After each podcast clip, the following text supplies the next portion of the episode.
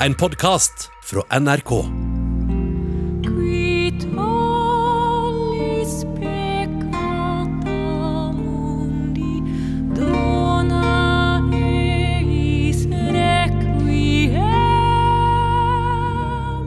Anita Skorgan har opptrådt på Mangen julekonsert. Og mange er de som har kjøpt billetter til julekonserter også i år. Men i forrige uke så ble det jo klart at kirkene bare får ha 50 mennesker på besøk pga. smittevern og regler. Fordi benkene i en kirke ikke blir regnet som fastmonterte, selv om de vitterlig er skrudd fast.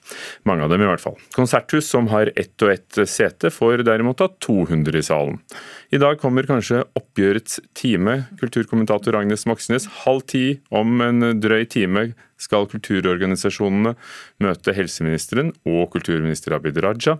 Hva kan det fører til, tror du, Agnes Moxnes? Ja, altså Etter å ha sett og hørt helsemyndighetene reise kjerringa mot fotballen de siste dagene, eh, så er jeg litt usikker på om, om dagens møte kommer til å endre de smittevernreglene som ble innført i begynnelsen av eh, forrige uke. For det er jo helt tydelig at nå holdes tømmene stramme for tida.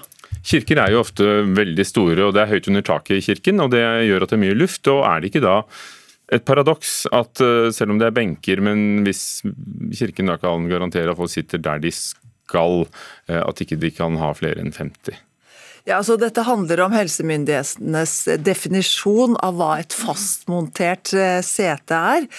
De mener at det må være et individuelt sete, og at for eksempel, altså da som f.eks. En, en kirkebenk. Eh, og Den definisjonen der har altså skapt veldig stor uro blant arrangører og musikere og publikum de siste to ukene.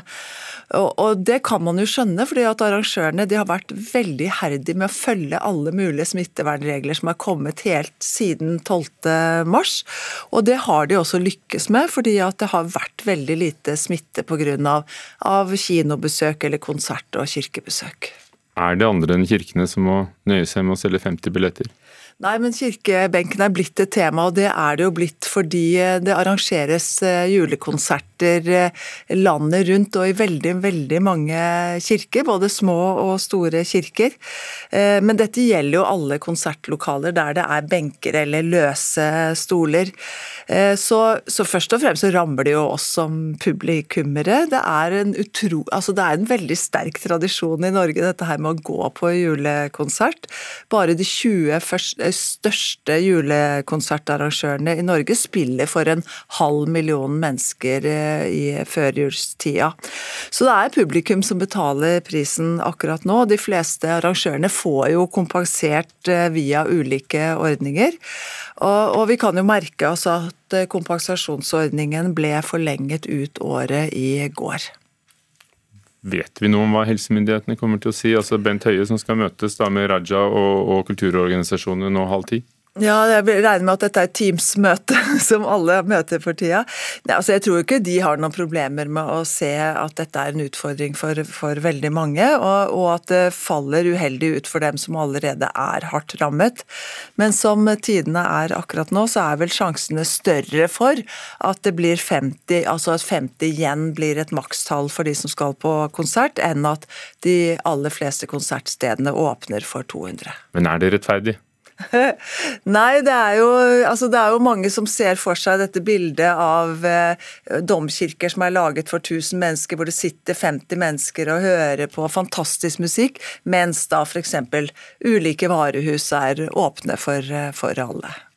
Agnes Moxnes. Shake, shake, shake, shake, shake.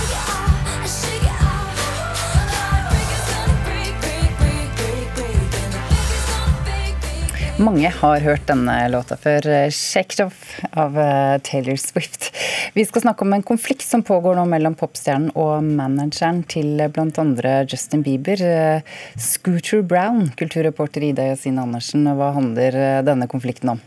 Jo, Scooter Brown eh, selger musikken til Taylor Swift og tjener godt på det, melder flere amerikanske medium. Det som har skjedd er at eh, Brown, eh, som er en entreprenør og blir sett på som svært innflytelsesrik i musikkverdenen, har kjøpt plateselskapet Big Machine. Det gjorde han i fjor. og Dette er Taylor Swift sitt tidligere plateselskap, som eide rettene til de seks første albumene hennes. Og dermed fikk òg Brown rettene til Swift sin musikk med på kjøpet. Og Shake It Off, som vi hørte innledningsvis, er en av sangene som han nå eier rettene til. Denne konflikten har egentlig pågått et års tid. Eh, Hva er det aller siste nå? Nå har Brown solgt eh, rettene til disse seks albumene videre til et investeringsfond for 300 millioner dollar, eller 2,7 milliarder norske kroner. Ifølge The New York Times skal Brown òg ha sikra seg profitt fra musikken til Taylor Swift i flere år framover. I musikkindustrien, når en eier rettene til et verk, eh, kan en bestemme hva sangen eller albumet skal brukes til, til dømes i annonse eller strømmingsplattformer. Og folk som eier populære sanger, kan tjene ganske store pengesummer på dette. Altså, hva sier Taylor Swift eh, selv om dette? Hun er jo forståelig nok fortvila over å ikke eie rettene sine sjøl. Hun sier at hun aktivt har prøvd å få tilbake eierskap til musikken sin det siste året. Hun forteller at det juridiske teamet til Brown eh, ville ha henne til, å signere en avtale om eh, teieplikt, som mellom annet sa at hun aldri skulle snakke et ord om Brown med mindre det var positivt. Dette samtykker hun ikke til. Og Brown har ifølge amerikanske medium ikke kommentert denne saka. Takk, kulturreporter Ida Yasin Andersen. Snart, selvfølgelig 1. desember, så åpner NRKs eh, adventskalender, som i år heter Stjernestøv. Artisten Aurora Aksnes har fått oppdraget med å lage låten i år. Visste du at i gamle dager så brukte man Nordstjerna for å finne veien hjem? Men ifølge eventyret er det stjernefolk i nord som drar ut for å hjelpe de som har gått seg bort. Dette er NRKs nye julekalender Stjernestøv. En serie om endringer i livet, om nye vennskap, mot og magi. Og for å forsterke den magiske tonen i serien, har de fått artist Aurora til å framføre kjenningsmelodien Nordstjerna. Det er veldig stas. Jeg syns det er interessant med alle disse små milepælene man har i, i, livet sitt og i karrieren sin. Nå er det finere ute. Um, og, og, dette for meg er definitivt en av de veldig um, spesielle tingene jeg kommer til å huske. Aurora har sjøl vokst opp med julekalendere og har stor kjærleik for jula. Derfor er det ekstra spesielt for henne å få kombinere to lidenskaper. For livet er jo en slags film. En slags komisk uh, tragedie og et eventyr. Um, så jeg, jeg, blir veldig inspirert av uh, tanken på å lage mer film, musikk. Det er så fint å kombinere to former for kunst. Så blir det en sånn nydelig kake av godhet.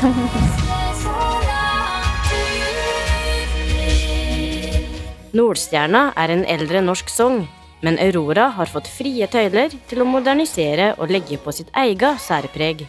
Jeg liker følelsen i sangen. Den er både sår og litt sterk. Og litt sånn bestemt, samtidig som man er litt rådvill.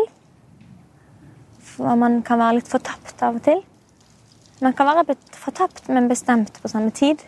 Det er ikke tilfeldig at sangen kombinerer det såre med det sterke. For Stjernestøv handler om ni år gamle Jo som står midt oppi foreldrenes skilsmisse. Men så blir han kjent med den uredde jenta Ellie. Hun gir han mot til å takle det som skjer i livet hans. Det er en veldig fin historie. Det er en viktig historie som jeg håper at mange vil kjenne seg igjen i. Folk som har, folk som har opplevd endring. Det handler mye om det, å takle endringer i livet. Um, som kan være traumatiserende og vanskelig som barn. Men som av og til kan føre til noe veldig godt og magisk. Så det, jeg syns serien setter fokus på noe veldig, veldig fint.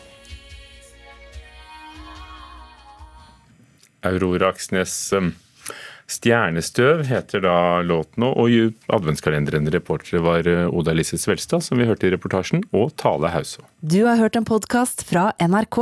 Hør flere podkaster og din NRK-kanal i appen NRK Radio.